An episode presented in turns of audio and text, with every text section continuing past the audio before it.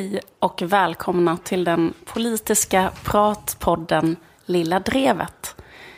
Jag heter Liv Strömqvist och eh, för att jag inte bara ska prata själv i den här podden utan också bli avbruten ibland så har jag med mig i studion två killar, nämligen Hej. Ola Söderholm och Hej.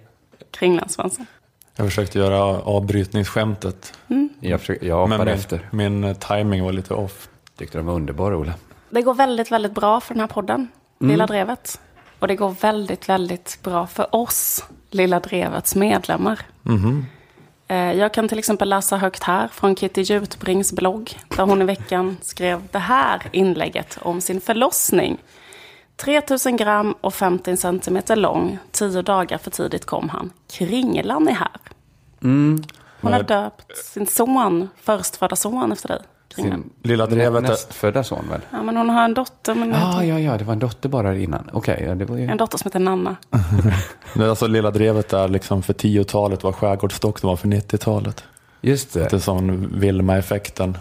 Nu är det Kringlan-effekten. Det kommer komma en sån eh, hel generation av små kringlan. Vi kan ju hoppas.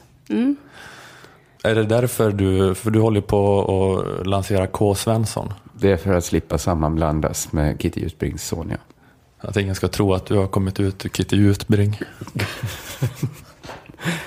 Skit i allt det här. Eh, snart ska det väljas en ny partiledare för KD. Och mycket pekar på att det blir antingen Ebba Busch Thor eller Acko Ankarberg. Båda de två väldigt eh, starka kandidater. Och extremt bra kandidater. Båda två. För att båda två har ljust hår. Ja, just det, det har båda. Eller hur? För att Alliansen har ju redan som bekant en brunett, Anna Kinberg Batra, och ett härligt redhead, Annie Lööf. Just det. De samlar ihop till ett Charlies Änglar. Precis. Och nu med en ljusårig KD-kvinna så har Alliansen liksom ett historiskt unikt tillfälle att skapa sitt eget sugar babes med olika kvinnliga partiledare vars hår eh, skiljer sig från varandra på olika eh, kompletterande, kontrasterande sätt. Och det är det också som gör att Jan Björklund eh, måste tvingas avgå snart. Han passar inte in i det Sex and the City-livet som Alliansen kan bli. Exakt. Det blir som en enda sån lång brunch. Allt annat skulle vara jättekonstigt liksom. Eh, nej men det kommer bli väldigt konstigt nu när Alliansen då liksom har inlett den här stora viktiga processen som jag antar måste vara planerad sedan väldigt länge. Man har den här eh, omfattande reformplanen där man ska liksom reformera Alliansen till ett eget Pussycat Dolls i riksdagen. Eh, då vill man ju ha liksom en ball tjej i afro, eller hur? Som fjärde medlem. Man Just vill ju inte det. ha Jan Björklund. Det är ju som att liksom, eh, Jan Björklund skulle vara med i Spice Girls, eller hur? Ehm, jag tror att det är bra att verkligen försöka ha en fjärde kompletterande frisyr som också är en tjej. För jag tänker att den här idén att man har så här tjejer olika frisyrer och olika hårfärg, den, den är liksom så otroligt eh, populär och så otroligt... Eh, det kan, det, det är liksom inte rimligt att det ska ha haft det kulturell, enorma kulturella utbredningen, den idén, med en grupp kvinnor med olika hårfärg, om det inte skulle vara en väldigt, väldigt bra idé. Men precis, det har ju en viktig funktion såklart. Exakt. Annars skulle vi inte sett det så ofta. Jag tänker också på eh, Elvan Tingeling till exempel, har ju olika vänner med också olika egenskaper. En rolig rödhårig, en smart svarthårig, en bohemisk brunett och så vidare. Men hon har inte en eh, Jan Björklund 11 som sin kompis. Men det finns ingen som eh, kan något om storytelling som har liksom gjort så att det är fyra karaktärer och alla har samma hårfärg. Någonsin. Nej, fyra precis. kvinnliga. Och ingen skriver in en Jan Björklund. Nej, exakt. Det är som att skriva in Jan Björklund i Sex and the City, som du sa innan. att vi är och fikar, en rufsig blondin, en cool rödhätta, en klassisk mörkhårig skönhet och Jan Björklund kommer in, beställer en kaffe på stamhaket, fnissar, kanske filosoferar lite grann om killar. Är det så att killar egentligen är som äppelpaj? Eller är det så att det är äppelpaj som egentligen är som killar? Säger Jan Björklund tankfullt. Rör om i sitt te. Jag vet inte. Han, han har en för rastlös aura för att vara en sån bra oändlig brunchperson. Eller då som vi sa, han kunde inte ens sitta på en stol i Aktuellt utan att se konstig ut.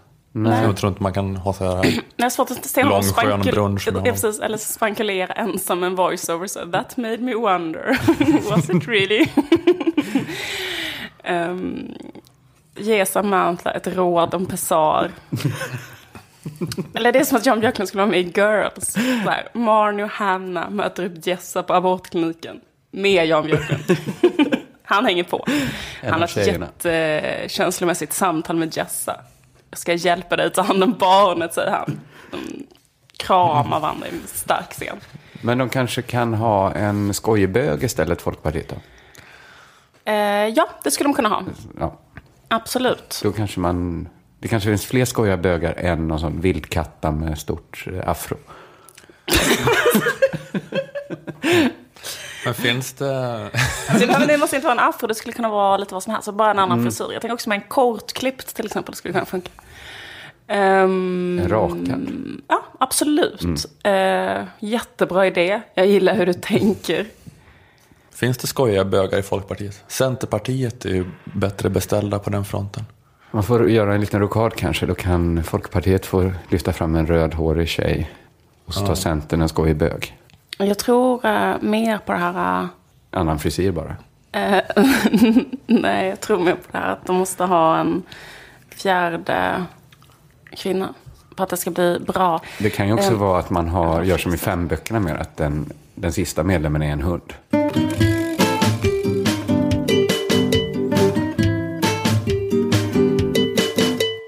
Jag läste en intressant artikel i Aftonbladet, alltså själva moderskeppet till den här podden. Och där fick jag veta att det varit eh, tittarstorm mot SVT. Har ni känt av den? Nej. Nej. Det var dokumentären Den som inte får finnas, som inte längre får heta så. Eh, många hörde av sig och var upprörda. Eh, och SVT har nu varit tvungna att byta titel på filmen. Kör en triggervarning här nu, för jag kommer läsa den förbjudna titeln en gång till. Den som inte får finnas. Det är inte uppenbart vilka de starka orden är som, som inte kan sägas. Eh, Så jag drar lite bakgrund. Den som inte får heta Den som inte får finnas handlar alltså om personer med Aspergers syndrom. Och det här är ett citat från en av de medverkande ungdomarna när hon talar om att inte passa in i resten av samhället. Att det är så det känns, att man är den som inte får finnas. Ja. Om man hör då att en dokumentärfilm om folk med Aspergers ska heta Den som inte får finnas, så tolkar man ju inte det bokstavligt. Eller hur? Gör du inte? Nej, men jag tänkte inte så, aha, en dokumentär om en tjej med Aspergers syndrom som inte får finnas. Regeringen har beslutat att hon inte ska få finnas. Nu ska de döda henne. Att det är statligt eh, sanktionerat förintelsekrig mot alla med Asperger. Så tolkade inte jag titeln när jag såg den då. Det är ju för Eller att det var en stark moralisk eh, hållning från SVTs sida. Att de valde att gå ut så starkt med att det här är vad SVT med våra grundvärderingar står bakom. De här människorna här- ska inte få finnas. Här gjorde en serie som handlade om nazism som heter Det som inte ska finnas tycker vi. Och sen så gjorde de en till som heter Det som inte får finnas. Med Precis. vänlig hälsning SVT. Det, så kan det bli då om man tolkar titeln bokstavligt. Eh, vilket man ju inte gör om man inte har Aspergers syndrom. Om Eller detta må vi aldrig berätta om. För det ska inte finnas. Så tolkar man ju. Så att det är ju föräldrar till barn, eh, ungdomar med Aspergers, som eh, hört av sig och klagat. Stormat. Så nu har SVT döpt om dokumentärfilmen till Den som får finnas. Eh, Det är ju lite en förvanskning av citatet Den som inte får finnas. Och Ja, de- ja, precis. Det är liksom eh, undergräver meningen med att göra dokumentär lite grann då. Om det bara var så att hon skulle säga den här tjejen med Aspergers syndrom. Mitt liv som eh, med en person med Aspergers syndrom är problemfritt. Jag upplever att jag får finnas i samhället.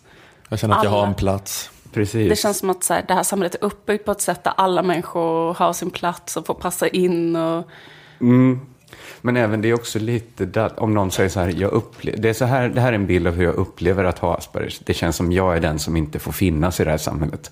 Och då liksom, det är klart du får finnas. För det förstår väl folk som har Aspergers, att de får finnas. Det är ju en känsla med. Men, men alltså de, de ungdomar de med Asperger som, som tolkar det här bokstavligt blev ju såklart väldigt ledsna. För de trodde att SVT hade producerat en film om att de inte borde få finnas. Jag tycker det, det finns något intressant i det här ju. För SVT vet ju att det är en ganska orimlig tolkning.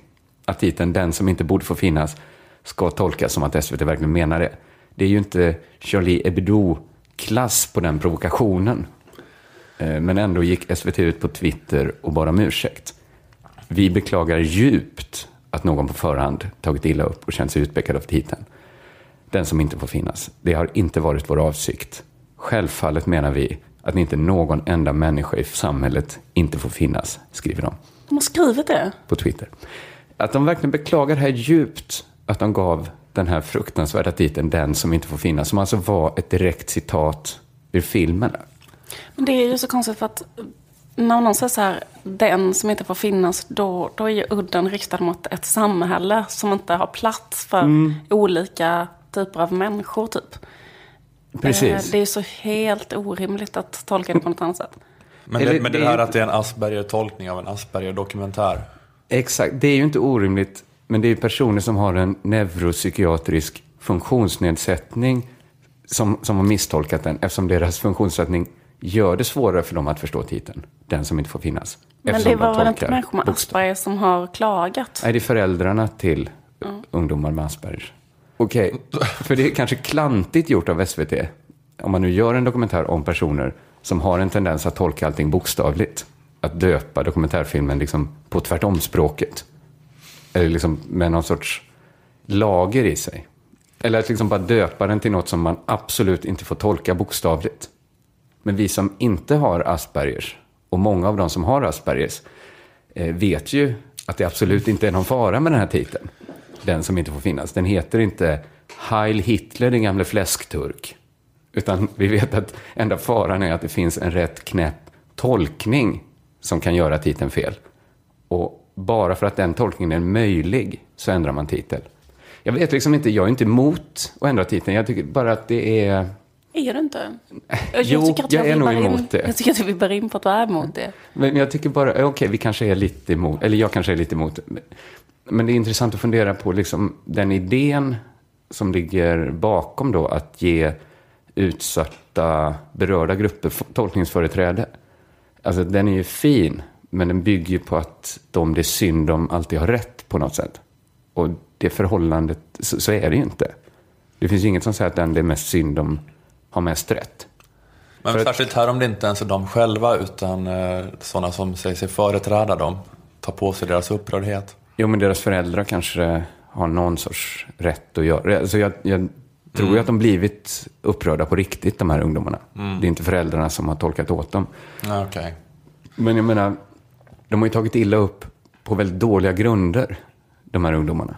På grund av att de har den här neuropsykiatriska funktionsnedsättningen som, som omöjliggör det för vissa av dem att göra en rimlig tolkning. Ändå, eller just därför, anpassar man sig efter dem. Eh, man tänker sig att det är synd om dem då, att de har blivit ledsna och därför har de rätt. Alltså, det är något som skaver i det sättet att tänka. Men eh, om man tänker att kommunikation sker på mottagarens villkor.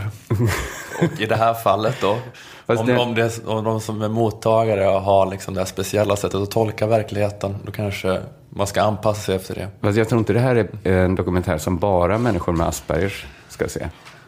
Nej, men det är ju trist om det går helt ja, över huvudet på dem. Det är ju klantigt att göra det. men, ifall det, men så kan det inte vara att alla med Aspergers absolut inte heller kan Nej, jag tror eh, många med Aspergers var glada hon, i den gamla Det tiden. var väl ett citat också från en person med Asperger som sa så. Och den personen använde sig uppenbarligen av en ja, men ring precis. till säger ja. hur det är. Eller? Det är ju inte en helt uh, homogen grupp. Eh, Nej. Personer med Aspergers. Och det, är inte Nej, det, känns, det känns lite, precis.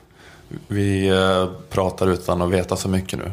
Jag har lite en sån otäck ja, känsla. Ja, jag tror att SVT fattar beslut utan att veta mm. så mycket också. Ja. Jag kan säga rakt av att jag inte har någon aning om vad den diagnosen innebär överhuvudtaget. Så det nu... kanske vi borde ha börjat ja. prata om. Men vad, man kan säga något snabbt. Det är väl en diagnos som ligger i autismspektrat. Där man är högfungerande, eh, intelligensen inte påverkar. Alltså man kan vara man är ofta lika intelligent som andra människor som inte har Aspergers. Men man har väl liksom vissa... Man kanske har svårt, eh, man tolkar saker bokstavligt. Man eh, ja, har svårt med liksom eh, ordspråk kanske. Eller det finns ju sådana, jag, jag, vet inte, men det finns ju sådana klassiker som man brukar skoja om. Att om det står så här öppnas här på ett mjölkpaket så öppnar folk med Aspergers det i mjölkaffären. Ni fattar, att det står det på paketet. Här ska du öppna det. Öppna så. Ja, jag vet inte, men det, det kanske är en, liksom en schablon mer. Men att man, man har liksom lite svårare att förhålla sig det till... Det är en kränkande vits. Ja, men så kan det ju vara. så kan det vara. Men det kan ju också vara en, eh, en tydlig bild av hur ja. det är att ha mm. Asperger. Mm. Jag menar inte att vara, vara kränkande. Nej. Men det är ju någonting med om SVT ska anpassa alla sina titlar efter hur de går att tolka. Eh, jag minns när vi gjorde Bang Prego som var ett radioprogram. Då skojade vi om att Fråga doktorn inte borde heta Fråga doktorn. Det kunde heta Fråga en, en rultig liten tant som frågar doktorn. Ja, just det. För det är det programmet är ju. Och du menar om man gör den här liksom för bokstavliga tolkningen så kan man då... Så låter det som du ska få fråga en doktor direkt ju. Då flippar man ur och blir arg och kränkt över att det inte är så. Hon är väl ingen doktor. Då kanske SVT får beklaga djupt om någon tagit illa upp. Att det var inte en doktor man... Eller det var ju en doktor som fick frågor. Men... Ja, precis. Man fick ingen sån direkt kontakt. Man fick... Det var inte som att en husläkare riktigt om någon, någon kanske trodde det. Nej, nej just det. Nej, precis. Ja, men det är, det är mycket att ta hänsyn till då. Att det får inte bli några sådana missförstånd. Inget får tolkas. Stjärnan på slottet, det är ju inte stora brinnande gasklot som, som träffas på ett slott och förintar allt med sin enorma värme. Ja, precis. Det är inga himlakroppar som roterar runt dem. Nej, nej, nej. nej. Man kan ju, jag förstår, beklagar ju djupt om någon tyckte att det lät som ett spännande program. Men det är liksom Özz och och Örjan Ramberg som, som äter frukost ihop bara. Mm. Kanske SVT får gå ut och dementera. Borde kunna få in ett tjockisskämt om någon som varit med i Stjärnorna på slottet här. Jag kan inte komma på. Peter Harrison. Hade han himlakroppar runt sig? En bana runt sig? Peter Harrison hade gravitationskroppar i gravitation runt sig. Ja. Yep.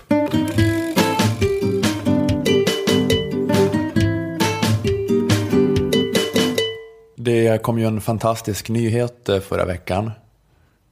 På Jaha. måndag kväll förra veckan gick vi och la oss i Sverige.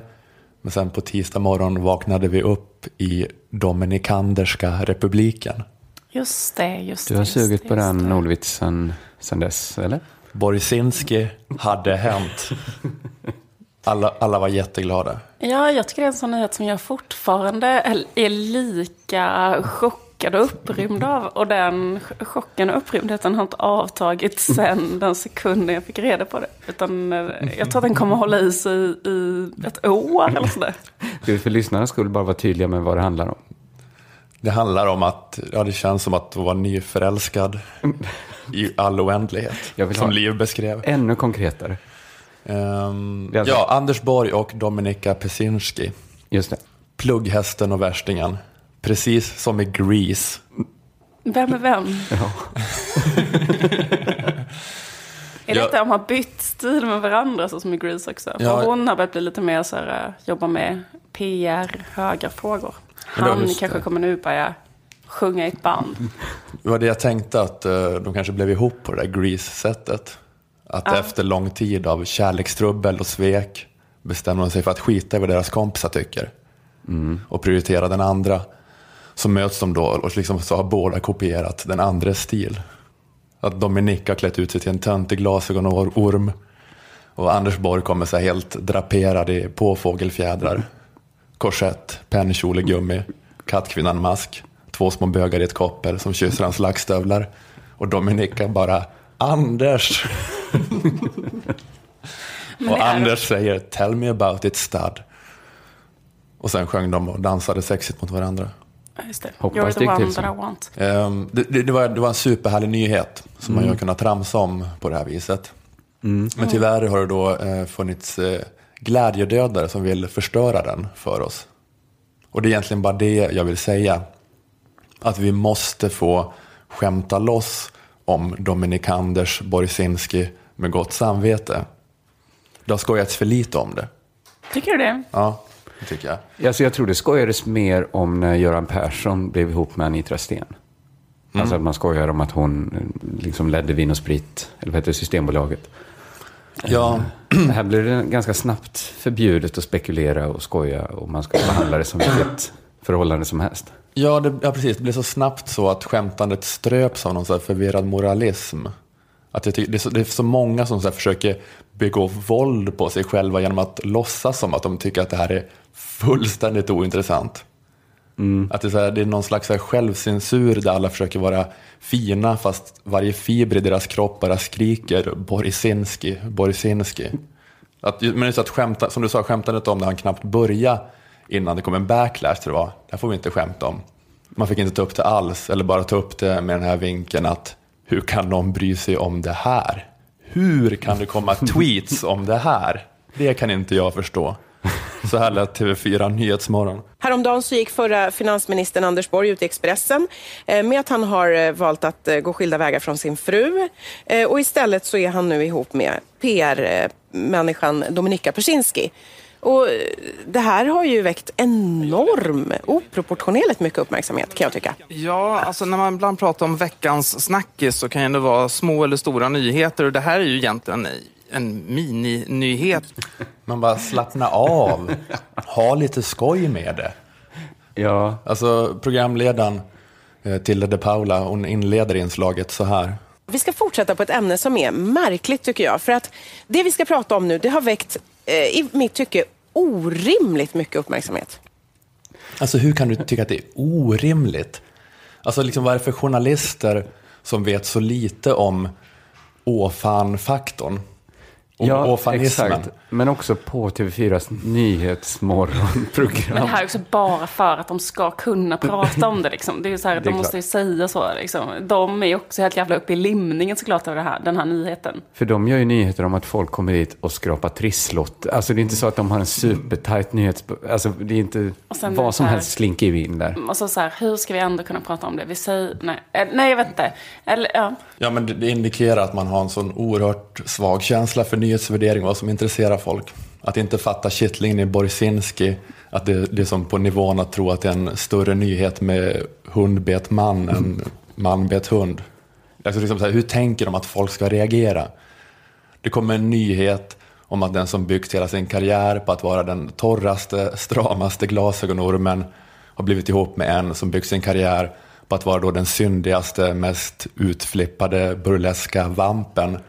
Och då ska alla bara vara normalt. Åh, åh, vad normalt det blev du. De tänker så här, Lady Lufsen är en film om två hundar. två likadana hundar som äter en skål spaghetti. Varför skulle man vilja titta på det? Nej, men, ja, men det är också konstigt att Anders Borg är ju en människa, alltså det finns ju inte så många sådana kändisar som man känner att varenda svensk känner till, varenda människa som bor inom äh, gränserna för riket och äh, liksom utanför Sverige också. Han är ju äh, en av Sveriges allra kändaste personer. Hon mm. är också svinkänd. Bara där utan Clash hade det varit stort. Ja. Nu är det Clash också. Ja men precis, men det var, var det så Tilde de Paula reagerade och därför kan hon inte fatta att inte alla reagerar med samma liksom, Hon var på väg att sortera bort nyheten. Ja, precis. Hon fick veta att Anders Borg och Dominika Persinska har blivit ihop. Eh, när jag såg nyheten om att den före detta finansministern har blivit ihop med den före detta talespersonen för otrohetssajten Victoria Milan, då hasade jag av stolen för att jag gäspade så hårt. Jag var bara så bara, det pressutskicket ligger i papperskorgen. Jag kan oh. gå och hämta det om, om vi ändå ska göra något på det. Ja, om ni vill tråkas till döds. Vill ni dö av tråkighet? Hur ska vi ta oss igenom den här sanningen? Gud, jag bara kände när jag hörde de här nyheterna, jag längtar tills sjörapporten börjar. Så, så att det blir något roligare. Åh, så tråkigt det här var. Åh, vad tråkigt. Du gör en bra till det. Varför kan jag aldrig få ha kul? Varför kan aldrig hända någonting som jag tycker är kul? Sparka av sig skorna. Man bara, till det, kom tillbaka. Du förstör ditt hår. Struntar jag i. Ja, men att man ska reagera på det här viset det är ju ett eh, orimligt krav att ställa. Mm. Eh, inte ens den eh, största mästaren bland buddhistmunkarna hade kunnat behålla koncentrationen och fokus om man hörde det här. Alltså han är kvar i det meditativa tillståndet om man avfyrar en pistol en decimeter från hans öra. Men om någon säger psst, Anders Borg och Dominika är ihop. Då hade han ju så, ja, vaknat och, och flippat ur och, och börjat twittra. Mm. Men eh, Jo, men eh, lite som du var inne på, Liv. Egentligen reagerade nog inte till De Paula med det här upphöjda jämnmodet på nyheten. Utan det handlar mer om något så här, kanske moralistiskt eh, fördömande, om att man så här, vill stå över det. Man vill stå över skvaller, exakt. Ja. Mm. Men ändå kanske prata om det ändå, då, men visa att man står över det. Jag kan förstå att inte alla vill skämta om det. Att sådana här Thomas Ramberg-typer som har som sin arbetsbeskrivning att bara, bara kommentera politiskt innehåll Eh, att för dem känns det inte relevant. Men att det finns en gräns för hur relevant Borzinski är. Det är inte relevant på alla sätt. Men det betyder inte att skämt om det är omoraliska. Tycker jag. Alltså som vissa vill hävda. Vissa prominenta bloggerskor. Som Hanna Pi och Ann Söderlund till exempel. Ja, men det är, det är väl prominenta bloggerskor? Ja, ja. Jättestora bloggor. Ja. Blogg, bloggar. Bloggor. Kallar inte dem för bloggor.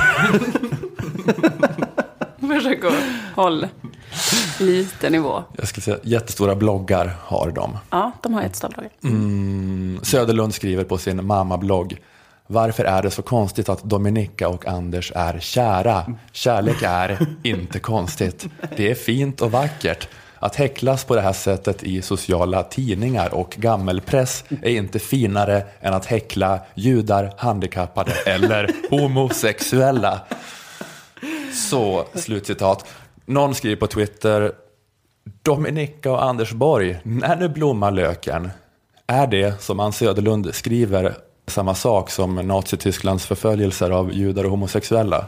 Eller är det en lite orimlig jämförelse hon gör?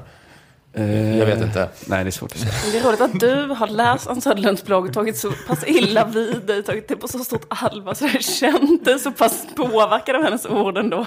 Så att du känner att du måste liksom pusha fram det här alternativa statementet. Man får skratta åt eh, Anders Borg och Dominika Pasinski. Ja, precis. Ja, det här var ju en uh, väldigt slängigt formulerat av Ann Söderlund. Och, uh, men, men det har ändå varit, tycker jag, en del utav, det är inte bara hon, jag läste på andra håll och läste i sociala medier, att det har varit en liten sån motreaktion. Uh, lite sån här moralistisk grej att nu ska vi bara säga normalt, normalt och sen aldrig tänka på det igen. Att många tycker att, att vi måste ha den hållningen. Men för, för grejen är just det här att tweetsen har till 99 procent varit på det där äh, när nu blommar löken-viset. Mm. Alltså det har inte varit något att man hatar eller fördömer dem som människor. Nej. Det är kanske lite det som är min poäng. Att, utan det har mer varit what the fuck, de två. Trodde jag aldrig. Nej, alltså de här hemska tweetsen som de, liksom, de har skärmdumpat, äh, de här prominenta bloggarna äh, som bevis för mobbiken. Det var så här att någon hade skrivit nu kan vad som helst hända påven kan komma ut som gay och månen falla ner. Eh, och eh, just sett Anchorman 2 och tyckte att den totalt saknade verklighetsförankring. Sen gick jag in på nätet och läste Dominika plus Borg lika med sant. Alltså Ann Söderlunds text, alltså rubriken Det finns en särskild plats i helvetet för kvinnor som skriver ner Dominika. Och det enda beviset hon har för det här med här, kvinnors kvinnohat mot Dominika, det är att en tjej har twittrat Grisar kanske börjar flyga också. En medsyster har skrivit grisar kanske börjar flyga också. Och det, liksom det här uttrycket när grisar kan flyga. Mm. När man säger att, att det, här, det här kommer hända när grisar kan flyga. Det betyder bara så osannolikt är det. Just det. det betyder den... inte så fel är det. Hon har inte skrivit så här, Dominika är en gris som flyger Men, in och förstör Anders Borgs kärnfamilj. Även om eh, Anders Borg hade blivit ihop med en flygande gris så hade Hans Lund bara sagt det här är helt normalt och varför gör ni stora ögon och miner? Eh, de är ju kära i varandra. Kärlek är alltid fint och aldrig konstigt. Så därför så vill jag säga att det finns en särskild plats i helvetet för alla kvinnor som snackar skit om flygande grisar. Den renaste kärleken är den mellan en man och en gris. Jag tycker att det är faktiskt konstigt också det där uttryckt från början. Så här. Det finns en särskild plats i helvetet för kvinnor som inte stödjer andra kvinnor. Ja, så är det. Det är Lisa Marklund Head over to Hulu this March, where our new shows and movies will keep you streaming all month long. Catch the award winning movie Poor Things, starring Emma Stone, Mark Ruffalo, and Willem Dafoe. Check out the new documentary, Freaknik The Wildest Party Never Told, about the iconic Atlanta Street Party. And don't miss FX's Shogun, a reimagining of the epic tale starring Anna Sawai. So, what are you waiting for? Go stream something new on Hulu. Som ligger bakom det. Ja, precis. Men just det här fallet är också extra eller liksom, eh, jag vill inte alls vara moralistisk men jag menar jag tror att ifall folk reagerar lite så här pyttelite negativt på den här nyheten, då är ju det kanske då för att man eh, tänker sig så här, aha men Anders Borgs fru suttit på den här jävla jättetråkiga jävla pissiga herrgården i åtta år och väntat på honom, han har kommit hem en gång i månaden och hon har tagit hand om de här barnen och sen så liksom har han äntligen, så har han varit ledig och nu ska han spendera tid med henne och så går det två veckor och så knullar man alla kvinnor som driver en otrohetssajt. Det är liksom det man känner så här bara, att, och, och, att det är kanske därför då en svenne tänker så här, mm. eh, lite grann eh, med frun kanske. Mm. Jag gör ju inte det, för jag har en sån helt... Eh, eh nej, nej, men eller vad ska jag säga? Det, det, mm. Ifall det finns en pytteliten eh, sån vibb så beror, beror det väl på det. Det beror väl mycket på hennes otrohetssajt och också att hon hade med Anders Borg som ett förslag på sin otrohetssajt. Mm. Ja, hon hade Den politiker som... som svenska folket helst vill vara otrogen med, ja. en sån lista. Aha. Märker vi att hon inte hade gjort en sån undersökning, utan hon hade bara frågat sig själv. Mm. Ja, det är kusligt. ehm, som det blev sen. Mm. Mm. Yeah. Jag tycker att det är så lätt också, för då förstår man också vad som har varit, eller typ att det, den pick-up-linen är så bra från hennes sida. Hon bara, skicka ett sms. Vet att du ligger etta på ja, min sajtlista. Och det håller jag med om. Eller flörtsmiley. det här är en kvinnlig the game. Hur man gör. starta en otrohetssajt. om du blir ihop med en gift man, starta en otrohetssajt. Skriv etta på listan. Den du helst vill ligga Den med. Den du helst vill ligga med. Sen skickar du ett sms. Nej, mm. klipp bort allt det här. Det är skitsamma. Eh, ja, vart var jag nu någonstans? Ja, just det, när grisar kan flyga. Mm. Eh, det betyder bara så osannolikt är det, det betyder inte så fel är det. Det finns ingen sån värdering i det eh, ordstävet. Ja, just det. Städet, jag vet inte vad det heter. Ja, men det, men det är just att det är inget fel med att Dominika Persinski och Anders Borg är ihop. Men det är ju jävligt roligt. Ja. Eller hur? Kan man inte få tycka att något är roligt utan att, att det ska tolkas som att man hatar det? Eller hur? Alltså jag, jag blir så trött på att Sverige så ofta ska driva en till att bli en sån här störig utlandssvensk som sitter i Barcelona och hatar Sverige. Men det är så jävla, alltså, det är jävla först... typiskt Sverige det här. ja, men det att man inte kan skilja på att driva med och, men, och kränka åh, någon. Kan inte ta... Jävla... Ja. Du kan inte ta Ann Söderlunds blogg på så stort allvar att du måste flytta till Barcelona. Men det var inte bara Ann Söderlunds blogg, det var också Hanna Pis blogg. Ola kommer bli en sån Och ett antal, antal tweets. golfbil och dricker joch. Det var Tilde de Paula i Nyhetsmorgon också. Alltså hur ska jag kunna andas i det här landet har du tänkt? Jag vägrar dela nation. Tilde, Ann, Hanna Pi.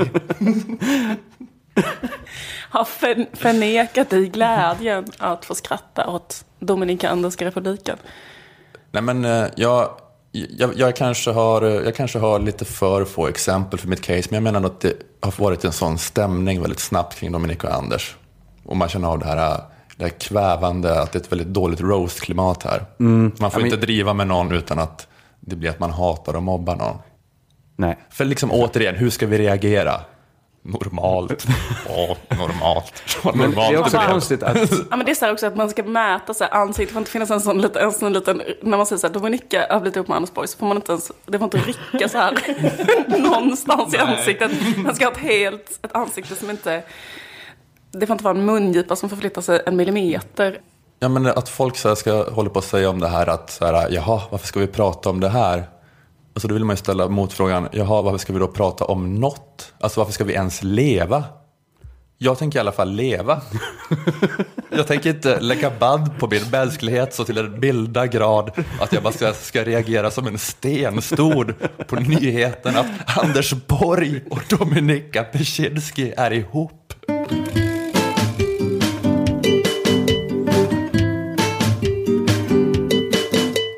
Jag pratade innan om att eh, Alliansen eh, har börjat eh, genomföra sitt väldigt omfattande, djupgående reformarbete som mm. kommer gripa igenom alla fyra partierna och transformera sig själva till Pussycat Dolls. Just det.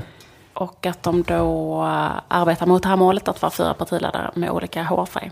Mm. Många pratar om att Birgitta Olsson är någon slags kronprinsessa i Folkpartiet. Just det. Men jag tycker det känns som att det kommer bli väldigt, väldigt svårt för henne eh, att ta över efter Björklund. Just på grund av att eh, hennes hår är väldigt, väldigt likt eh, Anna Kinberg Batras. Just det. Hon kan fläta in sådana jättelånga, tunna flätor kanske. Mm. Och göra någon tung piercing eller sånt där. Och vara något sånt lite mer street alternativ. Kinberg Batra kanske lite mer Porsche. Jag vet inte. Det ja, finns nej. människor som jobbar på det här tror jag. Bakom mm. kulisserna. Det får vi verkligen hoppas. I vilket fall som helst. Alliansen kommer kanske, eller förmodligen, så kommer de att ha eh, övervägande kvinnliga partiledare snart, ser det ut som. Mm. Medan de rödgröna har ju tre män. Eller de har eh, två och en halv män och en halv kvinna. Ja. Två och en halv män och ett präktigt barn som heter Åsa Romson.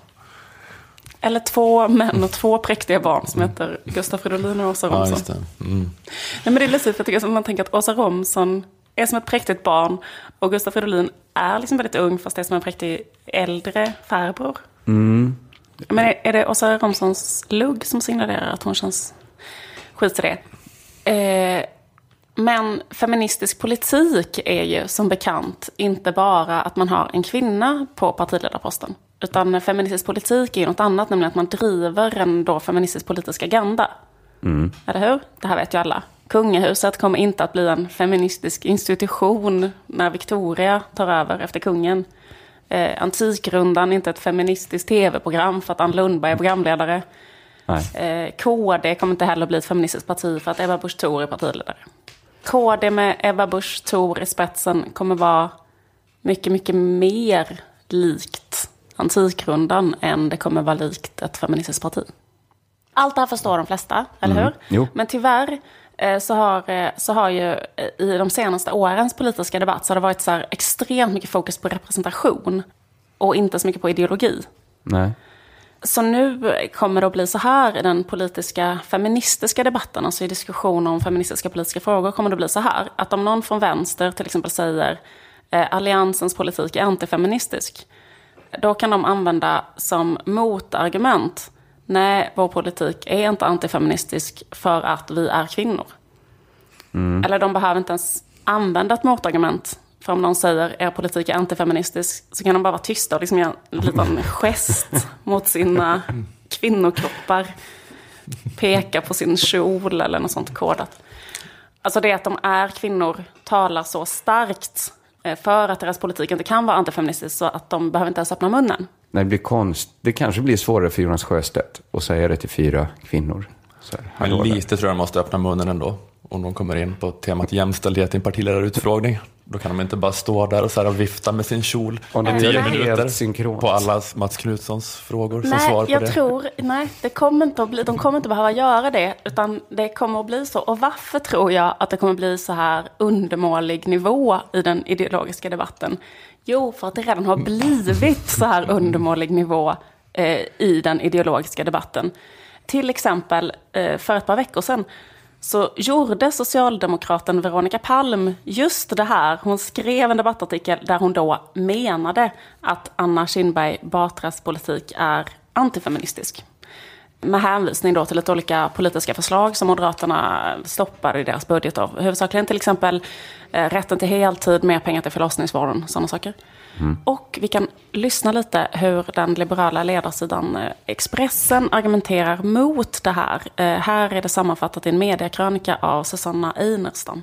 Och det är intressant att se hur de rödgröna tänker tackla att alliansen nu faktiskt domineras av kvinnor. Anna Kinberg Batra har tagit över det största oppositionspartiet medan Annie Lööf leder det piggaste. Kontrasten är stor mot det rödgröna laget där Socialdemokraterna leds av en just sån vit medelålders man som Palm brukar driva med, en gammal fackpamp som motarbetat satsningar till exempel på kvinnolöner. Jonas Sjöstedt styr Vänsterpartiet och Gustav Fridolin tar de viktigaste debatterna för Miljöpartiet. Och det är inte konstigt att tidningen ETC skriver om vänsterns gubbvälde.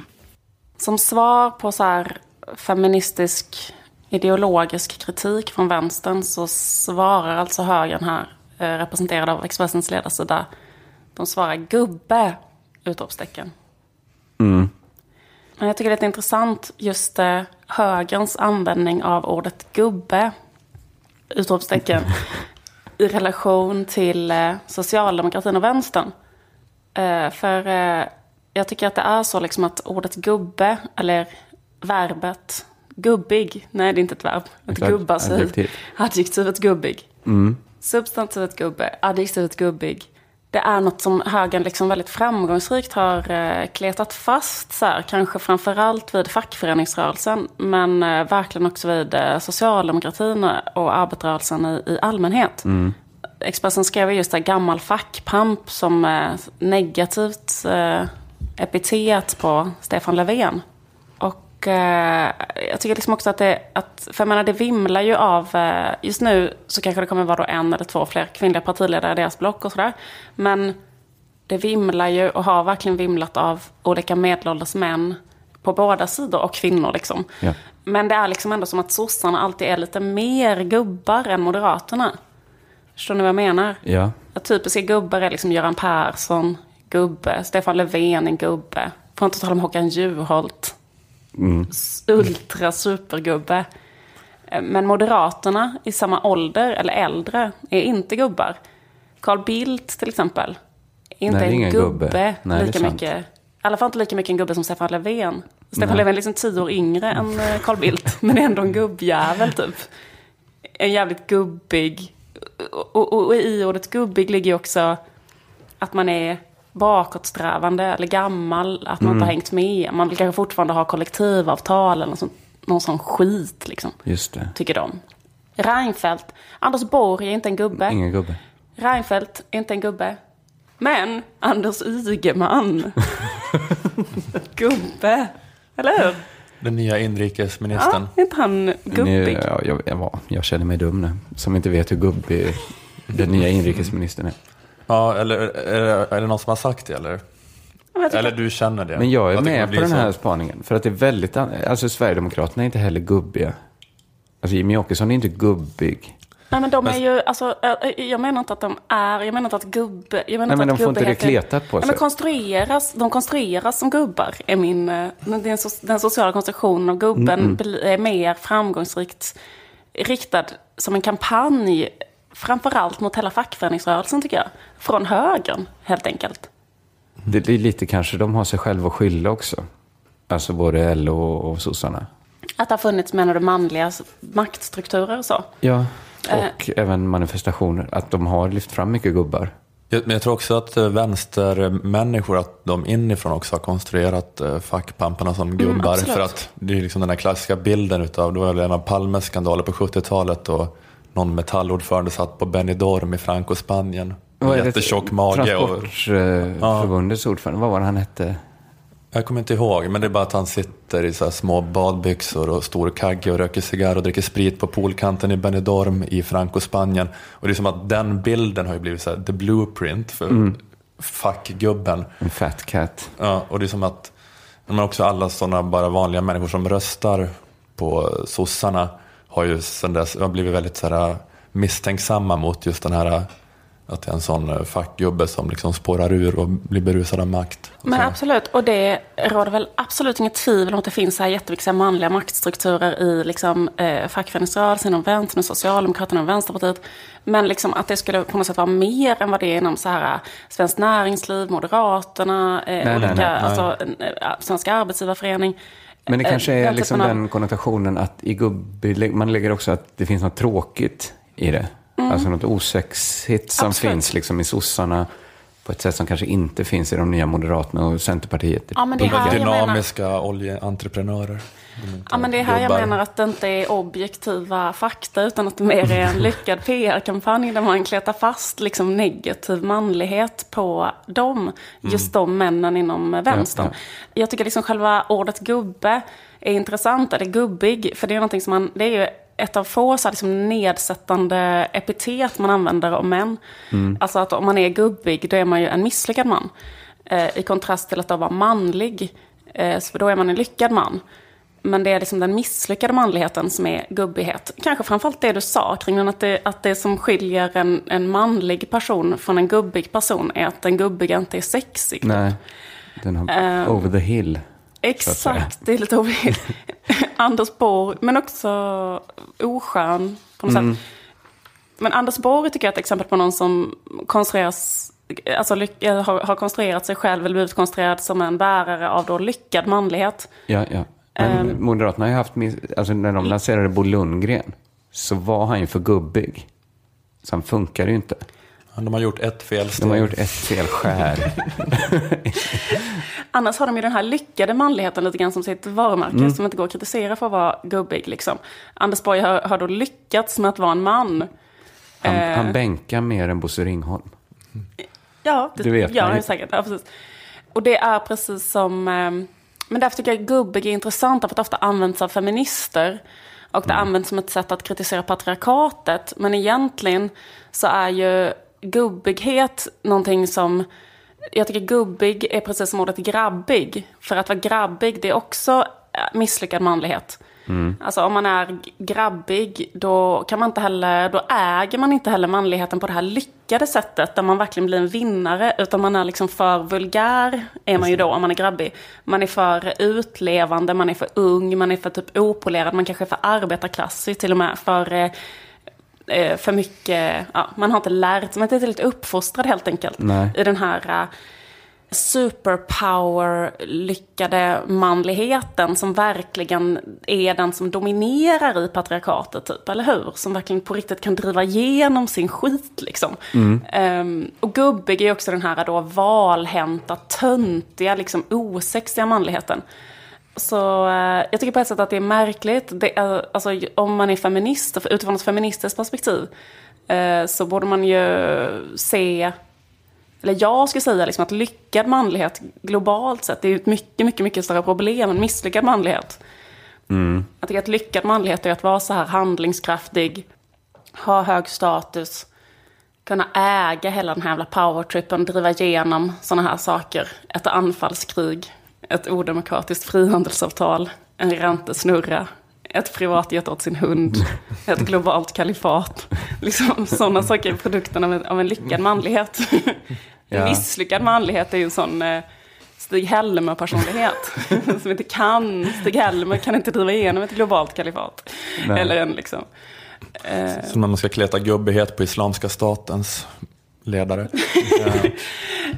Nej, men jag, vet inte. jag läste på eh, Alexandra Pascalidos Instagram så här. All that is necessary for the triumph of evil is that good men do nothing. Alltså allt som behövs för att ondskan ska liksom triumf segra är att goda män inte gör någonting. Mm. Man skulle också kunna säga så här, allt som behövs för att godhet ska segra är att män inte gör någonting. Eller att manliga män inte gör någonting. att, lyckade, att den lyckade manligheten eh, blir mindre framgångsrik. Hon ja, kanske menade good men, alltså som är goda människor. Ja. Men, men, eh, men, men vi kan den, kliva bort det så att vi får ihop den här snygga liksom, vändningen som Liv hade här. Behöver inte gå in här och göra någon sån semantikpill. Men um, ja, precis. Det blir så gubbigt då att uh, genomdriva klassisk sossepolitik och vänsterpolitik. Mm. Det skulle vara då att man, om man är feminist, om man är vänsterfeminist, att man ska försöka kanske konstruerar de här fackgubbarna då som dynamiska, sexiga män. Snarare. Att de ska göra sådana, det är en söndag idolporträtt som gjort som Anders Borg ska göra som Karl Petter Thorvaldsson. Ja. Ett riktigt tajt linne på Karl Petter Thorvaldsson. ja, men jag tänker mer att det är liksom, jag tycker det känns eh, absurt att man har lyckats konstruera just eh, så här, eh, klassiska fackfrågor som till exempel så här, trygga anställningar och sånt. Att, eh, att det kan då ja, liksom att det ska vara ett feministiskt statement att till exempel vara emot kollektivavtal. Så är ju Annie Lööf till exempel. Att det är så här, det är som att inte raka armhålorna på 90-talet. Det är typ så här, gå in till chefen och säga så här, jag ska fan inte ha ett kollektivavtal. Och vet du varför? För we can do it mm. utan avtal eller papper.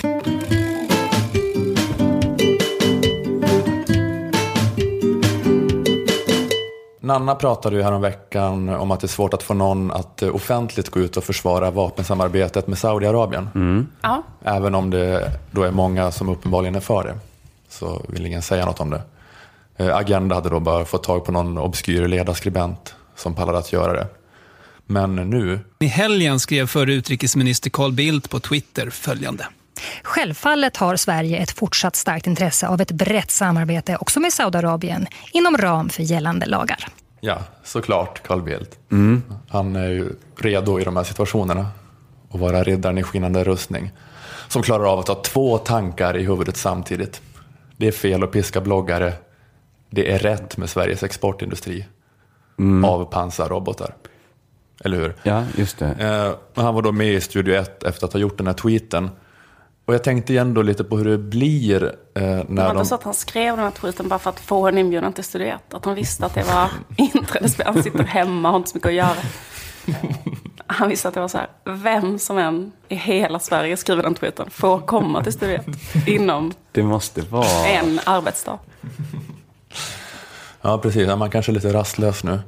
Eh, så. Men, ehm, ja, men han var med då och jag tänkte igen på hur det blir när, när Carl Bildt ska intervjuas. Eh, intervjuaren ställer den här frågan. Världen har ju också förändrats ganska mycket sedan 2005 när Sverige ingick avtalet. Saudiarabien har gått in i Bahrain och slagit ner ett demokratiuppror. De har bombat civila mål i grannlandet Jemen. Dessutom piskar de bloggare offentligt för att de har skrivit om demokrati och så. Är inte det skäl nog att faktiskt inte förlänga avtalet? Uh, han räknar upp vad som har hänt lite sen avtalet ingicks. Mm. Så att Saudiarabien kanske har blivit ännu värre. Då kanske man kan se det som ett skäl att riva upp det. Ja, eh, svaret blir så här. Det var inte de som slog ner upproret i Bahrain om du kommer ihåg vad som inträffade där. Jo, de åkte ju in där med militär. Sen så var ju för sig ja, Bahrain också med och slog det var ner. Inte, det var inte de som slog ner alls. Det gjorde Bahrains egna styrkor. Men de hjälpte ju till och bistod med bland annat stridsvagnar och sånt. Det såg vi ju alla på TV. Men de var, ja, men då har du sett, ja, så var det faktiskt inte. Jag bara provade snabbt googla och då var det mm. jättemånga nyhetsartiklar från 2011 där det stod att Saudiarabien gick in i Bahrain. Mm. Så det är möjligt att Bildt har någon större egen information, men det, har, det, är det alla har sagt ja, om okay. det här. för det är svårt för liksom, den vanliga radiolyssnaren kanske att miss, liksom minnas slaget om Bahrain. Ja, så, för jag hade, lite, jag hade inte top of mind. Jag nej, hade du... helt direkt backat ifall Carl Bildt hade skrikit. Det var inte så. Ja, men det blir något så ord mot ord och sen så är det en bloggare som kollar upp det här och så skriver en arg blogg, blogginlägg. Men för den överväldigande majoriteten så bara hör de det här att ja, det var lite oklart det där. Fast det var inte mm. alls oklart. Men det är det här oändliga tjafset. Ja. Eh, att aldrig svara på frågan utan att märka på ord i frågan eller bråka om premisserna för frågan. Samtidigt så, så sägs det ju ändå att Sverige inte ska exportera vapen till diktaturer. Det är en slags eh, grundregel. Tycker du att Saudiarabien är en diktatur? Eh, ja, till, alltså till att börja med så är det inte så som vapenexportlagen är utformad utan den har ju andra kriterier allt väsentligt. Jo, det handlar om mänskliga rättigheter och så, men det, brukar ju, det där brukar ja, ju sägas De är i alla fall. Att vi, grundregeln ändå är att vi ska avstå från att exportera nu, vapen till diktaturer. Nej, det är faktiskt inte så vi formulerar saken. Läs lagen. Ja, utan det, det, är faktiskt så. Ja, där står faktiskt jag kan inte säga, det. Landet ska Utan... respektera mänskliga rättigheter och det får inte befinna ja, sig i en väpnad konflikt. Men om vi struntar i det, jag bara undrar ja. om du tycker att det är en... Stund, stund, stund. Nej, men, Nej, men tycker du att det är en diktatur, Saudiarabien? Jag tycker det är en spännande ja, men... relevant fråga. Ja, det är en spännande relevant fråga. Men vi nu ska utgå från det vi var, där ni var lite osant själva. Talade varandra mycket i munnen med varandra. Ja. ja. Uh, när jag gick uh, Journalisthögskolan så in, i intervjuteknikboken var det ett helt kapitel som hette Konsten att intervjua Carl Bildt. Mm. Det är sjukt att jag har läst den boken också, kom minns också det här. Mm. Uh, bara för att han är ändå en sån jävla kramp för journalister. Mm. För att han alltid, alltid gör det här då, märker ord och, och bråkar om premissen för frågan. Uh, och det är så en sanning om lyckad intervjuteknik. Att vanligaste skälet till att intervjuer går snett är att intervjuaren och den som intervjuas inte är överens om premissen för frågan. Mm. Frågan får inget svar eftersom den som får frågan känner sig tvungen att reda ut eh, premisserna för frågan. Man brukar säga då att man ska undvika frågor av typen “slår du fortfarande din fru?” Men grejen med Carl Bildt är att han lyckas förvandla varje fråga till en “slår du fortfarande din fru?”-fråga. Eh, och studio... Alltså menar, det, man, det man menar då är så här, mm. att man ska ha med öppen fråga då eller? Alltså, eller vad, hur... ja, det, det, ska inte impliceras några påståenden i frågan mm. som... Som kan ja, ifrågasättas? Ja, då blir det så här, jag slår inte alls min fru, jag har aldrig slagit min fru. Ja, men Studio 1-personerna vet ju om det här. De har förberett sig för att de vet att det är Carl Bildt. Alltså de är beredda med det här dokumentet om att man ska respektera mänskliga rättigheter och man ska få köpa vapen. Så att de kan läsa innantill från det. För de vet att risken är att till och med en sån jävla grej som alla vet kan Bildt börja tjafsa om. Mm. Och så gör han det. Um, ja, men, ja, precis. Ja, men alltså att det står i det dokumentet att vi ska eh, inte exportera till diktaturer och den andra grejen då att Saudiarabien gick in i Bahrain. Till och med de, för alla andra på jorden, självklara påståenden lyckas Carl Bildt slår du fortfarande din fru i fjära? De frågorna. Mm, mm. Eh, och jag tänkte på att i och med att det ändå inte går, alltså det spelar ingen roll hur noga de tvättar sina frågor från laddade ord och slängiga formuleringar. Alltså det blir ändå bara det här tjafset. Kan man inte bara då gå full on åt andra hållet när man intervjuar Carl Bildt? Alltså bara köra slår du fortfarande din fru fullt ut istället. Aha, okej. Okay. Men hur skulle de här frågorna... Men att för att ändå bli så, oavsett eh, liksom hur respektfulla man gör frågorna, då kan man ju åtminstone ställa lite roligare frågor istället. Mm. Eller hur? Tycker du det är bra att man piskar en? Eller varför, varför är det bra att piska bloggare? Varför blir du sexuellt upphetsad av att bloggare piskas? Carl Bildt, kan du svara på det? Hur vill du kommentera de här uppgifterna om att du bara kan ha sex med Anna Maria på fredagar, för det är då du vet att bloggaren blir piskad. Hur vill du kommentera de uppgifterna, Carl Bildt? han kommer svara på samma sätt som om frågan var, anser du att Saudiarabien är en diktatur? Ja, det blir mm.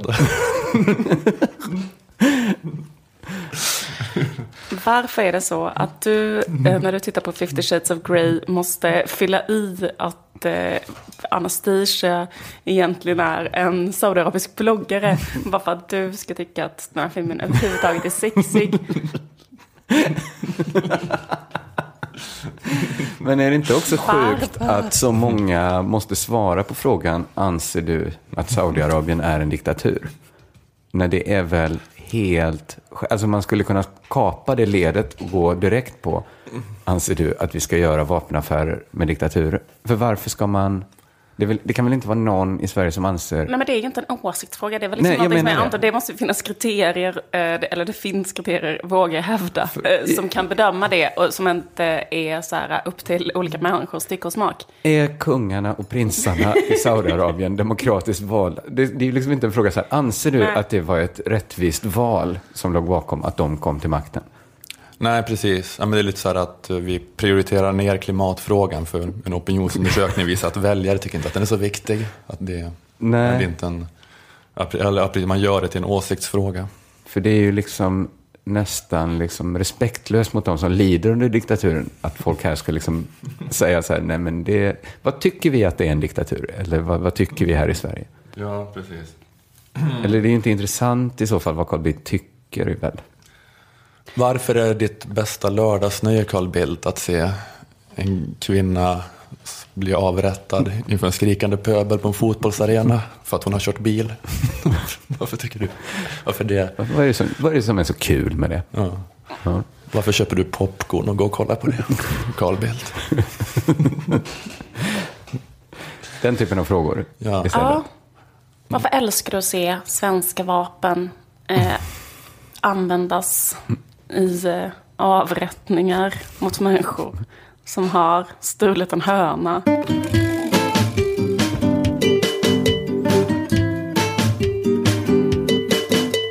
Jag kan påminna igen om Ömhet, standup-turnén som jag och Kringlan är ute på i vår. Info om den finns på eh, Facebook-sidan som heter Ömhet, en standup-turné med killarna från Lilla Drevet. Eller på omhetsturnén www.wordpress.com 7 maj i Stockholm har blivit slutsåld men då har vi lagt till en extra föreställning 14 maj i Stockholm på Bonden bar. Skynda dig att skaffa biljetter till den. Vi har också lagt till Göteborg till turnén. Eh, 29 april är vi på andra lång. Men som sagt, ja, all info om alla datum finns på Facebook-sidan eller Wordpress-sidan. Och det uppdateras hela tiden med nya datum. Jag kan också säga att jag uppträder, eh, inte med Kringlan, men eh, med bland andra Martin Lagos eh, i Kristianstad den 4 mars. Det är på klubben Äntligen Roligt på Biljardkompaniet i Kristianstad. 4 mars alltså.